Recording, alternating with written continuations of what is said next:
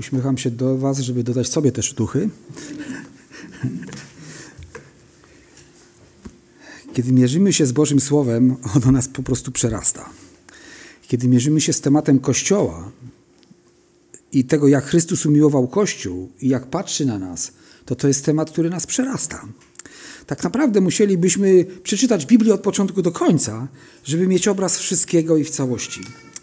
No ale dzisiaj e, chcemy się skupić na jednym z zagadnień, które jest jednym z ośmiu tematów e, tygodnia modlitwy, e, przygotowanego tygodnia modlitwy na ten rok. Główny tytuł, główny temat to jest, brzmi Chrystus umiłował Kościół. I ta jego miłość do Kościoła przejawia się w wielu różnych aspektach, czy też jest opisywana też na różne sposoby. I to Boże działanie w Kościele przejawia się w bardzo różny sposób.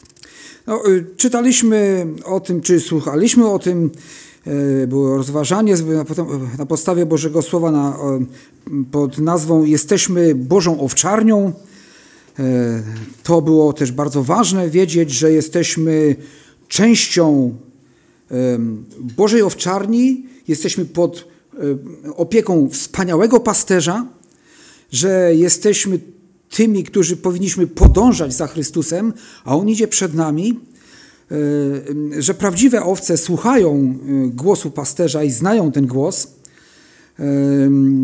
I wszelka nasza też służba powinna zawierać w sobie też element czy naszego chrześcijańskiego życia, również pasienia innych dla chwały Bożej w celu przyprowadzania ich do Chrystusa.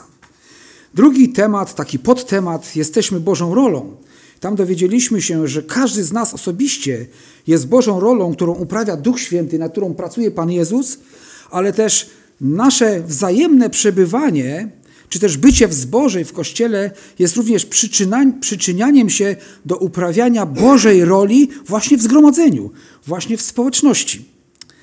A więc to oddziaływanie Boże, jeśli chodzi o Kościół, dotyczy każdego z nas z osobna, ale chrześcijanin nie istnieje osobno. Nie ma czegoś takiego jak chrześcijanin, który przyjmuje Jezusa i żyje sobie sam, bez społeczności, chyba że jest prześladowanie i nie może. Ale normalnie, to nie jest normalne, że ktoś przyjmuje Jezusa i mówi sobie, to ja będę sobie teraz sam żył z Jezusem w moim domu. Jesteśmy częścią zgromadzenia, częścią Kościoła, częścią widzialnego, tej widzialnej części Kościoła, czyli zboru lokalnej społeczności, w których Jesteśmy uprawiani jako Boża rola poprzez Słowo Boże, poprzez wzajemne relacje, poprzez świadectwa i y, wzajemne zachęcanie i napominanie, ale też nasza odpowiedzialność jest w tym, żeby oddziaływać w Boży sposób również na braci i na siostry, a też na osoby niezbawione, które często bywają na nabożeństwach, ale są, jeszcze nie są odrodzone, tak, czyli tak naprawdę nie są zbawione. I w zeszłym tygodniu dowiedzieliśmy się też o tym, że jesteśmy domownikami Boga. Się to dobrze było usłyszeć, że nie, jest, nie błąkamy się, że nie jesteśmy gdzieś, nie idziemy na ślepo, że nie szukamy domu już. Kto przyjął Pana Jezusa, znalazł dom, znalazł niebiańskiego Ojca, znalazł społeczność w imieniu Jezusa, znalazł zbór, kościół, tą Bożą rodzinę, a więc możemy przynależeć do niebiańskiego zgromadzenia i właściwie oczekiwać na przejście na tamtą stronę lub wcześniejsze przyjście Chrystusa, kiedy udamy się do domu Ojca. Dlatego też o tych wszystkich wierzących, którzy w ciele, ich ciało umiera, odchodzą, umierają, ich ciała chowane w grobie, mówimy, odszedł do domu Ojca. On nie błąkał się. On miał cel i wiedział, dokąd idzie. Dzisiaj przed nami następna niezwykła, wielka, dziwna rzecz – uważam, że dziwna. Jak zacząłem nad tym się zastanawiać, to nie mogę pojąć, jak wielka jest rzecz, którą Pan Bóg zrobił dla swojego Kościoła. Ponieważ tematem dzisiejszym jest, e, e, jest e, to, że Kościół, że my, że Kościół jesteśmy Bożą świątynią. Nasze pojęcie o świątyni myślę, że jest bardzo różne E, jak i też e, pierwsza myśl o, nad, e, pod hasłem Kościół jest też bardzo różna. Bardzo często, czy najczęściej, jak ktoś mówi, że mówimy kościół, to ktoś myśli o budynku w kształcie kościoła. No ale jak jest mała chatka, w którym zgromadzają się ludzie wierzący, to to jest kościół? Oczywiście wiemy, że kościół to nie budynki, to nie budowle, to nie architektura. To są miejsca, gdzie zgromadzać, zgromadza się Kościół, czyli ci, którzy należą do Pana Jezusa. Ale kiedy myślimy o świątyni, to często myślimy sobie o tej świątyni ze Starego Testamentu. E, I chcemy dzisiaj troszeczkę spojrzeć na to, jak, jaka jest różnica między świątynią w Starym Testamencie, a świątynią w Nowym Testamencie. E, nie było pojęcia Kościół w tamtym czasie, bo właściwie chyba nie mogło ono za bardzo zaistnieć ze względu na to właśnie, że miejsce zamieszkiwania Boga się zmieniło. Otóż o świątyni Starego Testamentu y, oczywiście jest wiele miejsc opisujących świątynię, ale chcę użyć was właściwie tylko trzech, żeby przypomnieć, jak ważną rzeczą była świątynia, czyli ta budowla w tamtym czasie.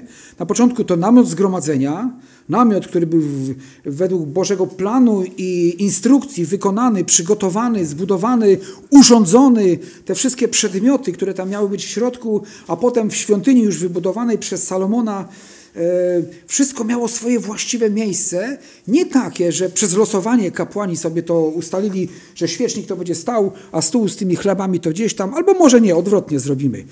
Pan Bóg to wszystko zaplanował, ponieważ to wszystko miało znaczenie, było cieniem rzeczy przyszłych. Miało obrazować tak naprawdę Chrystusa i to, co dzisiaj nazywamy Kościół, a to jeszcze nie jest koniec, bo tak naprawdę w niebie kiedy znajdziemy się już nie w tej świątyni ręką zbudowani, zbudowaną, tylko tam, gdzie będzie Bóg między swoim ludem i światła tam nie będzie i lampy nie, nie będzie potrzeba, bo światłością będzie baranek i Bóg będzie mieszkał między nami, to dopiero dowiemy się, co to jest świątynia. I co to jest Kościół. Ale oczywiście mówimy o Kościele tutaj na ziemi, i on ma jakoś też wyglądać. Ale najpierw popatrzmy, co było napisane do Mojżesza najpierw, a potem też do Salomona. Takie, no mówię, no, trzech miejsc chcę użyć ze względu na to, że opis świątyni, no, to jest coś, na co nie mamy czasu oczywiście, żeby tym się zajmować, choć wszystko ma tam znaczenie i warte jest uwagi.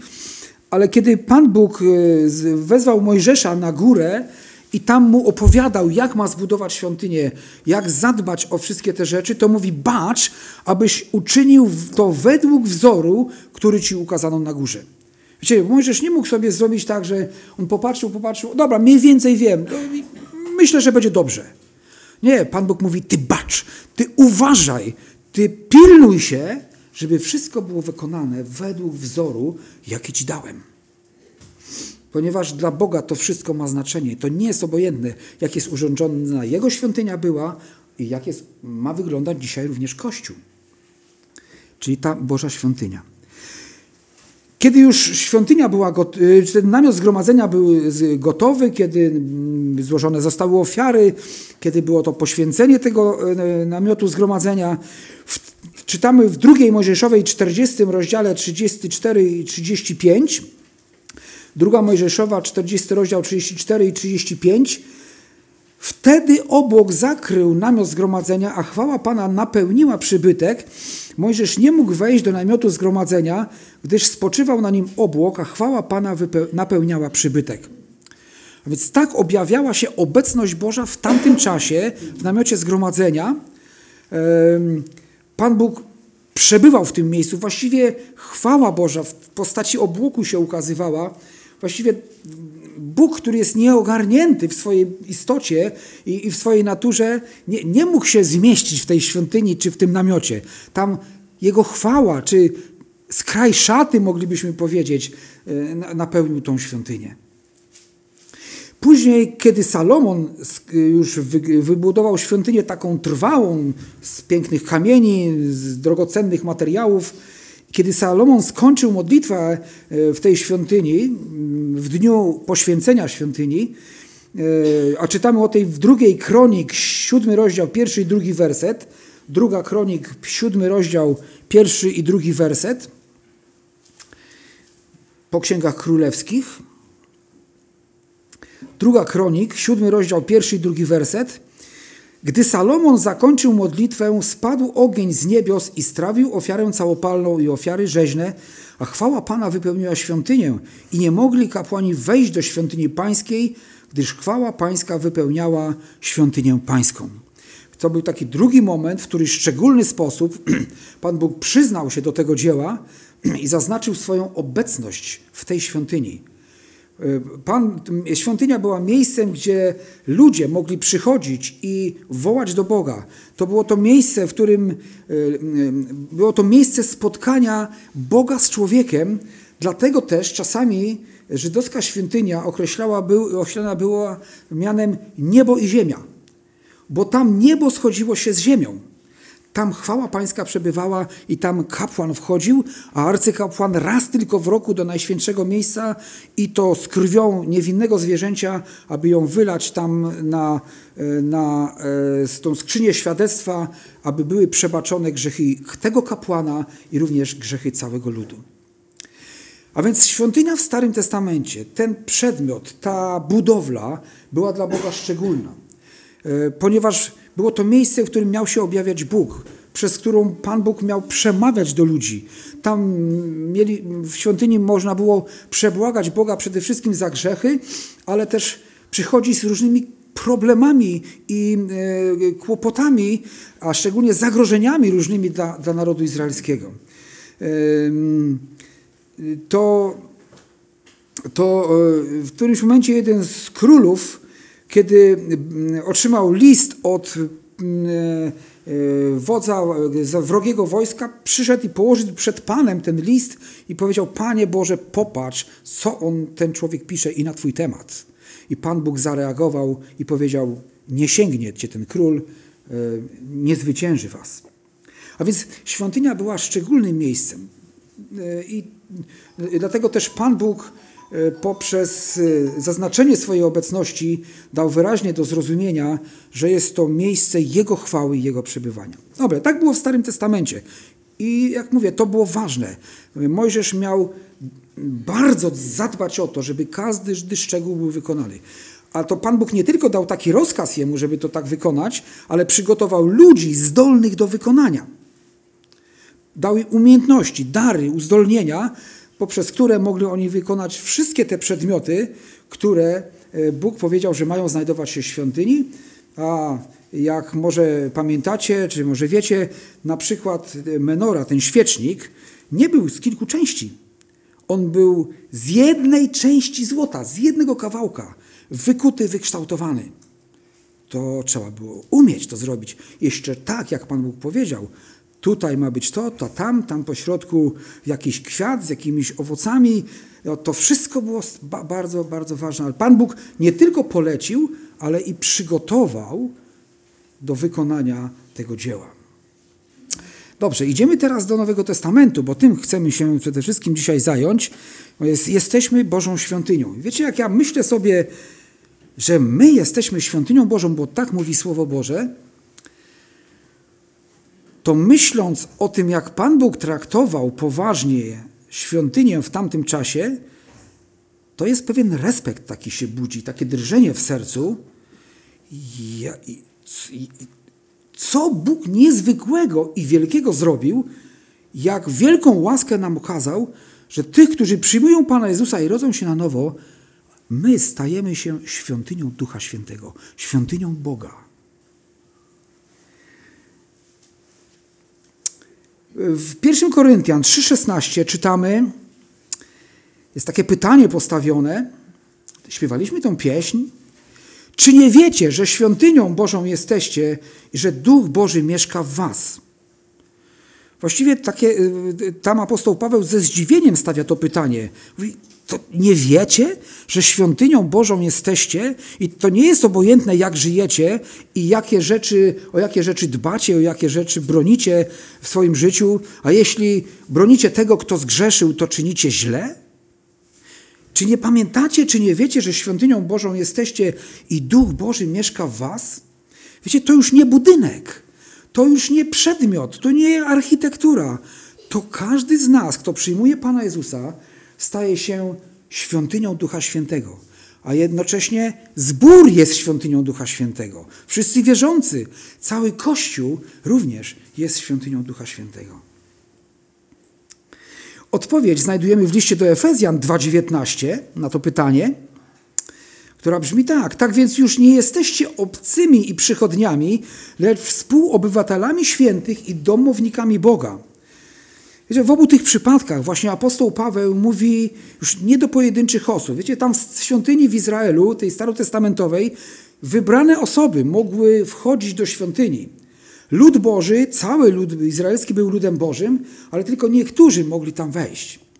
Natomiast tutaj czytamy, że wszyscy, którzy przyjęli Pana Jezusa, są, nie są przychodniami, lecz współobywatelami świętych i domownikami Boga i są świątynią Bożą i w nich zamieszkuje Duch Święty.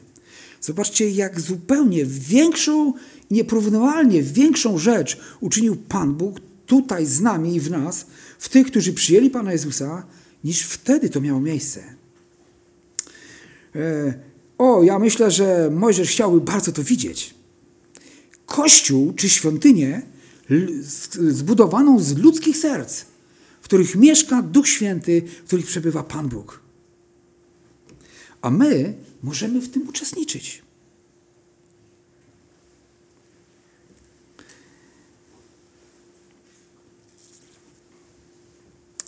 W pierwszym liście Piotra 2,9 to jest taka rzecz, której tam chyba nie ma do wyświetlenia. Jest napisane, ale wy jesteście rodem wybranym, królewskim kapłaństwem, narodem świętym, ludem nabytym, abyście rozgłaszali cnoty tego, który was powołał z ciemności do cudownej swojej światłości. 1 Piotra 2,9 to było. Więc zobaczcie, jak niezwykłe jest powołanie, którego uczestnikami są wszyscy, którzy narodzili się na nowo, którzy prawdziwie narodzili się z Boga. Dalej list do Efezjan, pierwszy rozdział, 13 i 14 werset mówi w nim i wy, którzy usłyszeliście słowo prawdy, Ewangelium zbawienia waszego i uwierzyliście w niego, zostaliście zapieczętowani obiecanym Duchem Świętym, który jest rękojmią dziedzictwa naszego, aż nastąpi odkupienie własności Bożej ku uwielbieniu chwały Jego. Wszystko to jest dla Bożej chwały. I zobaczcie, są rzeczy, które jeszcze mają się stać z Kościołem. To nie jest koniec Bożej pracy i Bożego dzieła, ponieważ nastąpi odkupienie własności Bożej. Czyli zostaniemy wyrwani z tego ciała, ci, którzy umarli, złożeni w grzechu, e, w grobie z powodu śmierci ciała, powstaną z martwych, jeśli byli Bożą własnością, i wszyscy razem pójdziemy na spotkanie z naszym Panem na powietrze. A więc nastąpi wtedy odkupienie własności, na której połączona jest pieczęć. Wiecie, tutaj czytamy w tym Efezjan, pierwszy rozdział 13 i 14, że jesteśmy zapieczętowani obiecanym duchem, który jest rękojmią dziedzictwa. Słowo Boże w innym miejscu mówi, że będziemy współdziedzicami z Chrystusem. Jakich rzeczy? Może chodzi o podobieństwo do Chrystusa? Może chodzi o potem zarządzanie światem i ziemią w tysiącletnim królestwie? Nie wiem. Ale czytamy, że będziemy współdziedziczyć z Chrystusem. I właściwie Pan Jezus się modli, abyśmy też, i Słowo Boże mówi, abyśmy zasiedli razem z Nim na Jego tronie.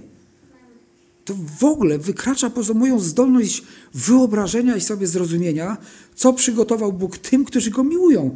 To na umysł nie wstąpiło, nie jesteśmy w stanie uświadomić do końca sobie tego, czym obdarował nas Pan Bóg w Chrystusie. Czyniąc nas świątynią, czyli miejscem szczególnym, w którym w szczególny sposób Bóg się chce objawiać i zamieszkiwać.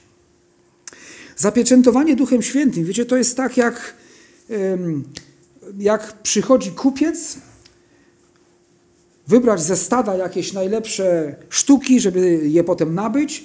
Przychodzi i ma swoją pieczęć, często i robi się to tak do dzisiaj, rozgrzewa się ją w ogniu i stawia swoją pieczęć. To będzie moje, to będzie moje, to będzie moje już jego pieczęć jest na tych zwierzętach. On jeszcze tego nie ma, tak do końca u siebie, ale to już jest jego. I jeszcze Bóg nie ma nas u siebie, ale już jesteśmy nie, Jego, jeśli mamy Bożego Ducha. Pieczęć Ducha Świętego, zapieczętowani na dzień odkupienia. On jest też rękojmią dziedzictwa. Kto ma Bożego Ducha, to to jest rękojmia, to jest potwierdzenie, to jest taki zastaw, może to nie jest dokładnie dobre słowo, ale pewna, pewien taki gwarant tego, że będziemy współdziedzicami z Chrystusem. Że On jest rękojmią naszego dziedzictwa. Naszym dziedzictwem jest wieczność, wieczne przebywanie w Nowym Jeruzalem, e, w tej cudownej ojczyźnie przygotowanej dla Boga i dla Jego ludu, w którym Bóg sam będzie przebywał. Efezjan 3 rozdział 10 werset pokazuje cel, dla którego istniejemy jako Kościół, jako, jako świątynia Boża, jako świątynia Ducha Świętego, aby teraz nadziemskie władze i zwierzchności w okręgach niebieskich poznały przez Kościół różnorodną mądrość Bożą. Czy widzimy to zadanie, które jest na nas położone, które wynika z naszej przynależności, z naszego zapieczętowania? Yy, powiem tak, trochę serce się ugina pod tym ciężarem, bo wiemy, jak niedoskonali jesteśmy. Ale to jest dla nas cel, nasze powołanie. A teraz nadziemskie władze i zwierzchności przez Kościół, czyli przeze mnie i przez Ciebie, mają poznać różnorodną mądrość Bożą. Świątynia tam w Starym Testamencie, w niej objawiała się chwała Boża. Tam nawet królowa Saby przyszła, aby słuchać mądrości Salomona i zobaczyć te wszystkie budowle i również świątynię oglądała i podziwiała. I Słowo Boże mówi, że ta królowa Saby wyda świadectwo przeciwko tym w Izraelu, którzy nie uwierzyli, ona ich osądzi. Bo ona uwierzyła, patrząc na to wszystko, że to jest Boże dzieło i Boża mądrość w tym zawarta. A więc teraz mamy być świadectwem Bożej różnorodnej mądrości wobec nadziemskich władz i zwierzchności w okręgach niebieskich. Jeśli tam to ileż bardziej również wśród naszych przyjaciół, znajomych, żyjąc na co dzień, pracując, ucząc się w szkole. Tak jak kiedyś w świątyni nie można było zanieczyszczać, tak też i teraz również my jako Kościół powinniśmy być czyści. W Efezjan, czwarty rozdział, list do Efezjan właściwie jest listem, który opisuje Kościół właśnie prezentuje go, przedstawia w całej wspaniałości, w, w całej rozciągłości. Oczywiście nie tylko ten, y, ten list, ale i jest, ten jest szczególny pod tym względem. I czytamy w czwartym rozdziale, w trzydziestym wersecie, a nie zasmucajcie Bożego Ducha Świętego, którym jesteście zapieczętowani na dzień odkupienia. Widzicie, więc jest też y, takie wezwanie, odpowiedzialność. Y, Pan Bóg y, urządził świątynię w Starym Testamencie, czy najpierw namiot zgromadzenia, i tam mogło znaleźć się tylko to, co powiedział Pan Bóg. Tam nie mogła znaleźć się żadna inna rzecz. Jeśli palił się ogień, to tylko ten nakazany przez Boga. Jeśli leżały chleby pokładne, to tylko te, które nakazał Pan Bóg. Jeśli oliwa, to tylko ta, którą Pan Bóg kazał sporządzić według Jego receptury podanej Mojżeszowi. Byli królowie, którzy odważali się do świątyni pańskiej stawiać swoje bożki i bałwany. Ale oni źle skończyli. I bo, to było takie policzkowanie Boga. Ale tutaj my czytamy do nas, do Kościoła, do nas, którzy przez wiarę w Jezusa Chrystusa, przez nowozrodzenie jesteśmy świątynią Ducha Świętego. Nie zasmucajcie Bożego Ducha Świętego, którym jesteście zapieczętowani na dzień odkupienia. A wcześniej, bo to warto przeczytać kontekst z tego z listu Efezjan, czwarty rozdział od wersetu 25 do 32, bo właśnie między tymi wersetami znajduje się ten 30, mówiący o tym wezwaniu, ostrzeżeniu, aby nie zasmucać Ducha Świętego. I tu czytamy tak. Przeto, odrzuciwszy kłamstwo, mówcie prawdę każdy z bliźnim swoim, bo jesteśmy członkami jedni drugich. Gniewajcie się, lecz nie grzeszcie. Niech słońce nie zachodzi nad gniewem waszym. Nie dawajcie diabłu przystępu. Kto kradnie, niech kraść przestanie, a niech raczej żmudną pracą własnych rąk zdobywa dobra, aby miał z czego udzielać potrzebującemu. Niech żadne nieprzyzwoite słowo nie wychodzi z ust waszych, ale tylko dobre, które może budować, gdy zajdzie potrzeba, aby przyniosło błogosławieństwo tym, którzy go słuchają. A nie zasmucajcie Bożego Ducha Świętego, którym jesteście zapieczętowani na dzień odkupienia. Wszelka gorycz i zapalczywość, i gniew, i krzyk, i złorzeczenie niech będą usunięte spośród was wraz z wszelką złością. Baczcie jedni na, bądźcie jedni dla drugich uprzejmi, serdeczni, odpuszczając sobie wzajemnie, jak i wam Bóg odpuścił w Chrystusie. Ostrzeżenie i wskazanie, jak ma wyglądać ta Boża świątynia, czyli każdy z nas, w których, w naszych ciałach, my, którzy przyjęliśmy Pana Jezusa i oddaliśmy Mu swoje życie, uczyniliśmy Go Panem swojego życia, w naszych ciałach zamieszka Bóg, Duch Święty. Coś troszeczkę jeszcze więcej. Jak dzisiaj powinna wyglądać świątynia, czyli odrodzony chrześcijanin, czyli zbór pański, czyli Kościół. Chcę przypomnieć bardzo krótko tych sześć rzeczy, które charakteryzują każdego prawdziwie nowonarodzonego człowieka, czyli prawdziwego chrześcijanina. Pierwszy list Jana. Kiedyś e, zachęcałem do zapoznania się z taką broszurką, która e, wyjaśnia to, te zagadnienia i je opisuje, ale tu bardzo króciutko chcę po prostu to przypomnieć. A więc człowiek, który jest świątynią Ducha Świętego, który jest świątynią Bożą, nie grzeszy, czyli nie trwa w grzechu. On ucieka od grzechu, nienawidzi grzechu, cierpi z powodu popełnienia grzechu, pragnie całkowitej wolności od grzechu. 1 Jana 3,9 o tym mówi. Ale ten, kto jest też prawdziwie narodzony z Boga, czyli jest tą świątynią Boga, wierzy w Chrystusa. 1 Jana 5,1. To znaczy wierzy, że Jezus jest jedynym Zbawicielem, że jest Bogiem objawionym w ciele, że jest wiecznym Synem Bożym, że ma swoje, i ma swoje upodobanie taki człowiek tylko w Chrystusie i tylko Chrystusowi ufa. Ale człowiek, który jest świątynią Bożą, zbór, który jest świątynią Bożą, Kościół, który jest świątynią Bożą, jest też sprawiedliwy w swoich działaniach. 1 Jana 29 o tym mówi. A więc nieprzerwanie patrzy na Jezusa jako na wzór. Bierze od Niego przykład do postępowania. Pragnie i dąży do tego, by być przyjacielem Chrystusa przez wypełnianie Jego przykazań. Zdaje sobie też sprawę z tego, że nie jest bezgrzeszny. Po czwarte, człowiek prawdziwie nowonarodzony, czyli mający Bożego Ducha, czyli będący świątynią Bożą, miłuje innych chrześcijan. 1 Jana 3,14. Człowiek będący Bożą świątynią ma taką miłość do braci i sióstr w Chrystusie, że przebywanie z jakimkolwiek, choćby najbardziej niesfornym członkiem ciała Chrystusowego sprawia mu ogromną radość. Tak wielką, że nie da się jej ukryć. Nigdzie nie czuje się tak dobrze, jak pośród prawdziwych dzieci Bożych. Czuje, że wszyscy prawdziwi chrześcijanie są członkami tej samej Bożej rodziny. Natomiast przebywanie w niezbawionym towarzystwie zawsze będzie dla niego niewygodne, przykre i trudne. Bo to są dwa różne światy. Bo przebywa wśród ludzi, którzy nie są świątynią Ducha Świętego.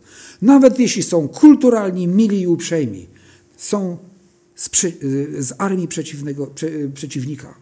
Są zupełnie z innej opcji. Oczywiście y, taki człowiek też miłuje tych grzeszników i pragnie ich zbawienia. Po piąte, prawdziwy chrześcijanin, czyli ktoś, kto jest naprawdę świątynią Bożą, będąc tą świątynią Bożą, zwycięża świat. 1 Jana 5,4. Zawsze tylko i wyłącznie kieruje się Biblią, czyli Słowem Bożym, aby stwierdzić, czy coś jest dobre, czy złe. Tylko w Piśmie Świętym szuka odpowiedzi na pytania dotyczące każdego szczegółu swojego życia, a wszelkie światowe opinie, czyli różniące się od prawdy biblijnej, traktuje je tak, jak powinna się traktować baśnie, czyli włożyć między baśnie. Jeśli świat, jeśli jakaś filozofia, jakaś teoria mówi cokolwiek choćby trochę innego niż naucza Pismo Święte, to należy to odrzucić jako śmieć. Ponieważ ktoś, kto jest, w kim mieszka Duch Święty, pragnie tylko czynić to, co Duch Święty naucza poprzez Pismo Święte. I po szóste, człowiek, który ma w sobie Bożego Ducha, jest świątynią Ducha Świętego, narodził się na nowo z Bożego Ducha, zachowuje siebie w czystości. 1 Jana 5,18. Zwalcza grzech i wszystko, co może do niego prowadzić. Dlatego bada i pilnie się też przygląda osobom, z, którym ma styczność, z którymi ma styczność. Poważnie podchodzi do wykorzystania czasu, gdyż dni są złe. Chcąc naśladować Chrystusa przez świadectwo słowa i styl życia. Kiedy czytamy w Nowym Testamencie o świątyni Ducha Świętego, dochodzimy do wniosku, o, właściwie to już troszeczkę było powiedziane, że każdy odrodzony chrześcijanin osobiście jest świątynią Ducha Świętego, a także Kościół w wymiarze powszechnym i zbór w wymiarze lokalnym. To także świątynia Ducha Świętego. Każdy wierzący został zapieczętowany Duchem Świętym i zachęcany jest do prowadzenia świętego życia. 1 Piotra 1,6 jest napisane: Świętymi bądźcie, bo ja jestem święty. W czasach Starego Testamentu, w miejscu najświętszym świątyni, obecność Boża mogła pojawić się w postaci obłoku, o czym wspominaliśmy, mogła być widziana przez arcykapłana. On wchodził do niej, do tej świątyni, do, a szczególnie do miejsca najświętszego, w jednym dniu w ciągu roku przynosił krew niewinnego zwierzęcia e, i składał nią, e, skrapiał nią arkę przymierza i w tym wyjątkowym dniu Pan Bóg udzielał przebaczenia win kapłanowi i całemu ludowi. Obecnie nie ma świątyni w Jerozolimie, a ofiary ze zwierząt nie muszą być składane, ponieważ to wszystko, co było w świątyni, było cieniem rzeczy przyszłych, odnosiło się do Chrystusa. I w Chrystusie znalazło to swoje wypełnienie. Tak więc dzisiaj nie ma świątyni w Jerozolimie. Wierzymy, że Pan Bóg o to zadbał, żeby jej nie było, bo to Pan Bóg ma swój plan z narodem izraelskim. Dobrze wiedział, dlaczego im to wszystko zabiera. I też ofiary ze zwierząt nie muszą być składane, bo został złożony baranek Boży, czyli Pan Jezus. On zastąpił, właściwie o nim przypominały wszystkie ofiary Starego Testamentu, a on stał się tym barankiem Bożym, który gładzi grzech świata, nie tylko przypomina o naszym grzechu. Jako wierzący w Chrystusa staliśmy się świątynią Boga Ducha Świętego. Paweł, apostoł Paweł e, przypominał, w nim mamy odkupienie przez krew Jego, odpuszczenie grzechów według bogactwa łaski Jego. Tak więc dzisiaj każdy z nas z osobna, jeśli należy do Chrystusa, stanowi, właściwie jest mieszkaniem Boga, jest świątynią Ducha Świętego, ale też tak jak w Starym Testamencie, zanieczyszczanie świątyni czymkolwiek, czy urządzanie jej dziedzińców nawet w jakikolwiek sposób, e, nienakazanym przez Boga, czy urządzaniem w taki sposób był też taki król, który y, sobie czy swoim dzieciom pourządzał komnaty wokół świątyni. Tak wiecie, taką, taką kastę, wyższą kastę wśród ludzi tam sobie ustanowił. To też się nie podobało Bogu. A więc tak jak w Starym Testamencie Bóg zwracał uwagę na to, żeby świątynia Boża była czysta i nie była zanieczyszczona, tak również i Słowo Boże w Nowym Testamencie ostrzega nas, 1 Koryntian 3,17. Czytamy tak, 1 Koryntian 3,17. Jeśli ktoś niszczy świątynię Bożą, tego zniszczy Bóg, albowiem świątynia, Bożo, świątynia Boża jest święta, a wy nią jesteście.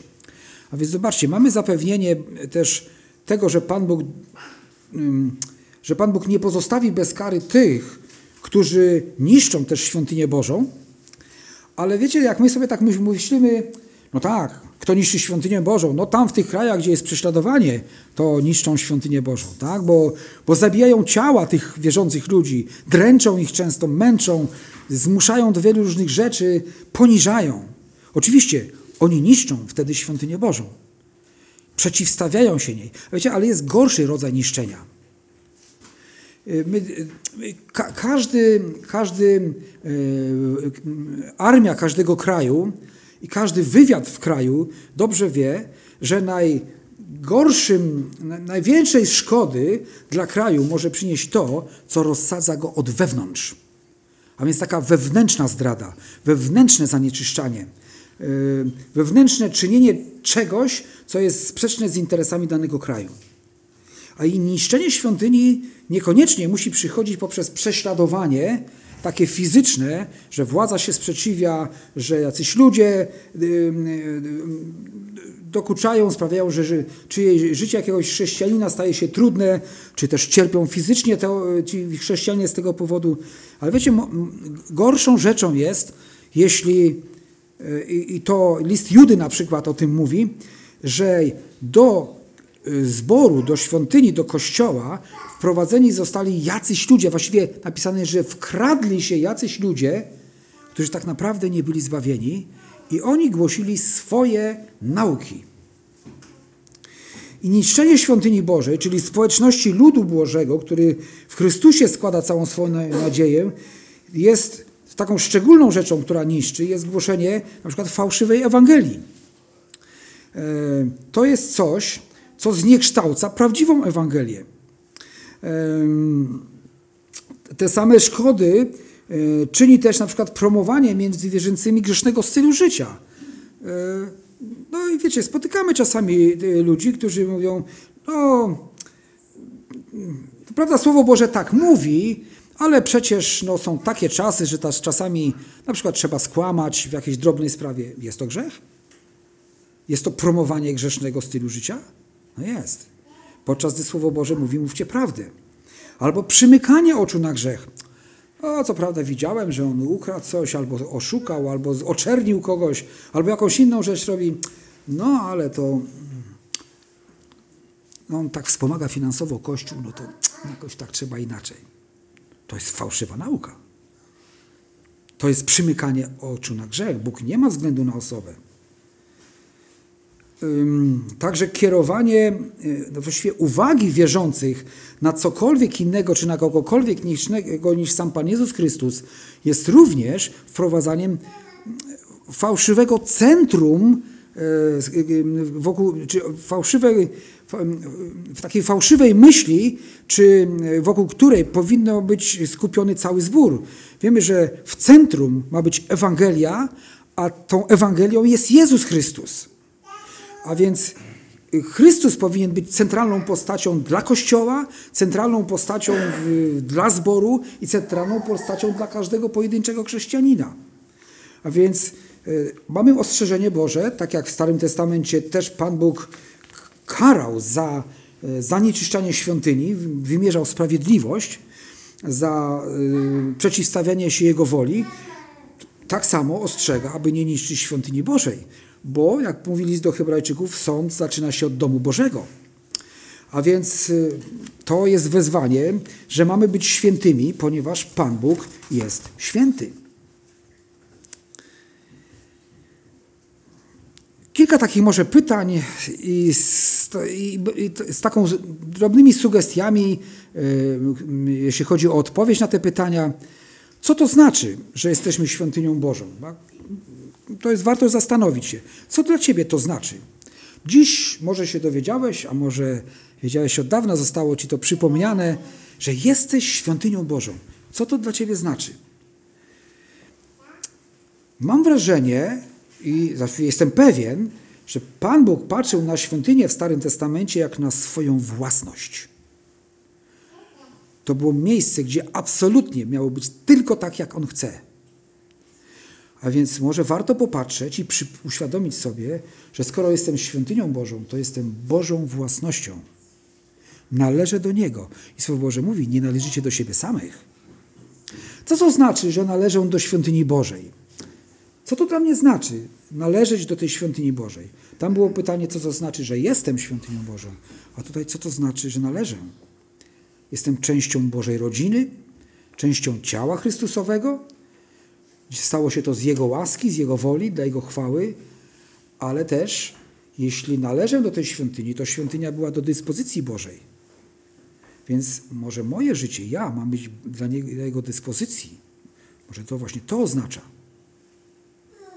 To znaczy, oznacza to rezygnację ze swoich planów dla przyjemności, oznacza rezygnację nawet z poniesieniem kosztów, być może Przykład taki sobie e, przychodzi mi na myśl.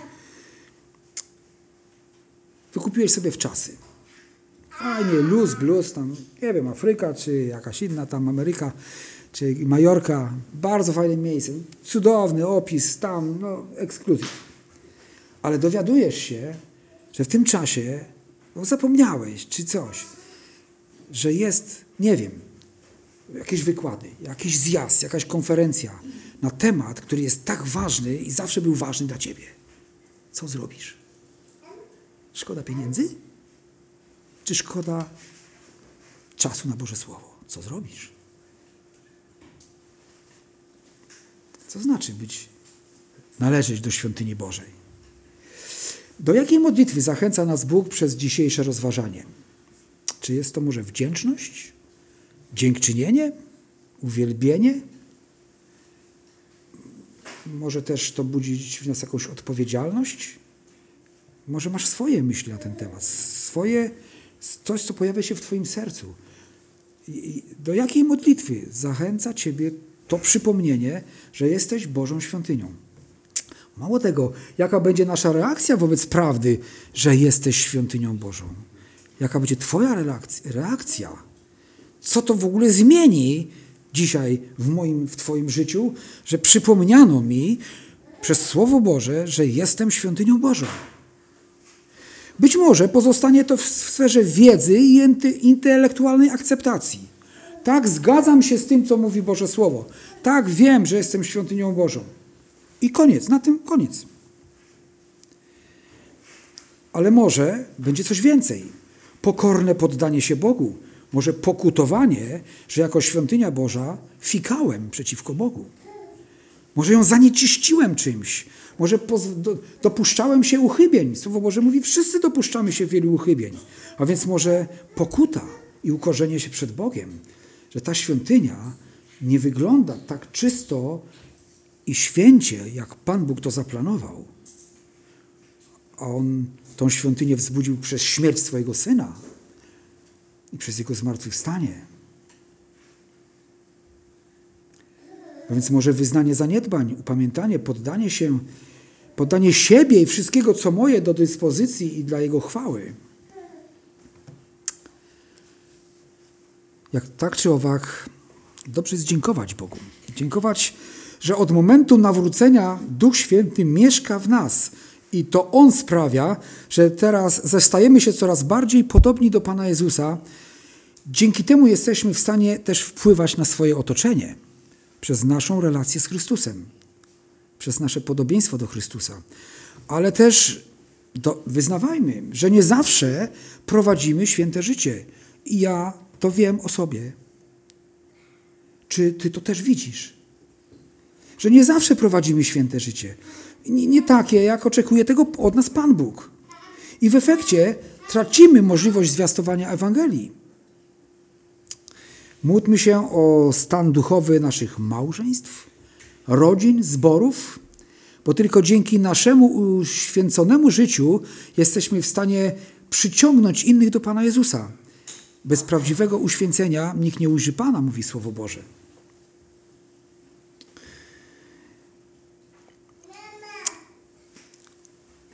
Przed nami są e, te propozycje do modlitwy, te intencje modlitewne dla Kościoła, ewangelicznych chrześcijan. I wiecie, e, taki główny punkt znowu odnosi się do właściwie takiego, o jest wyświetlone wszystko, tak? Dobra. Ja nic nie dokładałem więcej, bo już tych wypisanych dla naszego zboru jest troszeczkę, więc dobrze, jeśli będziemy o te, które są wypisane, e, też dzisiaj się modlić. Popatrzcie, no bo znowu mamy Módlmy się o służbę zdrowia w naszym kraju, o opiekę zdrowotną y, i społeczną, o Ministerstwo Zdrowia, placówki medyczne, ich personel, o, o może te, do tego miejsca. To się powtarza. Właściwie chyba, y, nie wiem czy w każdym dosłownie tak samo, ale chyba już było coś, ta, tak, prośba o taką modlitwę. I tak sobie się zastanawiałem chwileczkę nad tym. Y, czy nie jest tak, że mamy troszeczkę opór, żeby się o to modlić? No bo przecież takie różne opinie są na temat tych ludzi. Że tamten lekarz mówi tak, tamten inny. I wiecie co? I, i to wolimy przyłączyć do wszystkich i narzekać. I możemy tak zrobić. Wobec prośby o taką modlitwę. Możemy przyłączyć się do całej reszty i narzekać i psioczyć, jak to wszystko jest źle. Ale możemy zrobić inną rzecz, do której zachęca Boże Słowo. Zamiast narzekać, co nic nie pomoże, a obciąży moje serce, mojego ducha i innych również napełni gorzkością i gorzyczą, możemy robić to, co mówi Słowo Boże. Bo ono mówi, módlcie się o władzę, o przełożonych i o królów.